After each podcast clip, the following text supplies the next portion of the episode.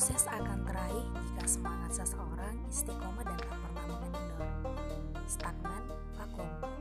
Manusia sebagaimana kita sadari adalah makhluk yang syarat dengan perasaan paradoks. Terjaga tidur, marah ridho, berani takut, semangat, delete toy, marah cinta, percaya menolak, yakin ragu, adalah perasaan manusia yang berseteru dan terus mengabadi. Kita harus pandai-pandai Jika kita tidak memanage perasaan-perasaan itu, pasti nasib kita akan gak karuan dan tak bermuara. Di sini rahasia kita untuk pesan kebijakan, profil hikmah, wisdom, motivasi agar keistimewaan atau semangat kita tak meredup. Ketika istilah sukses mengemuka, pikiran kita selalu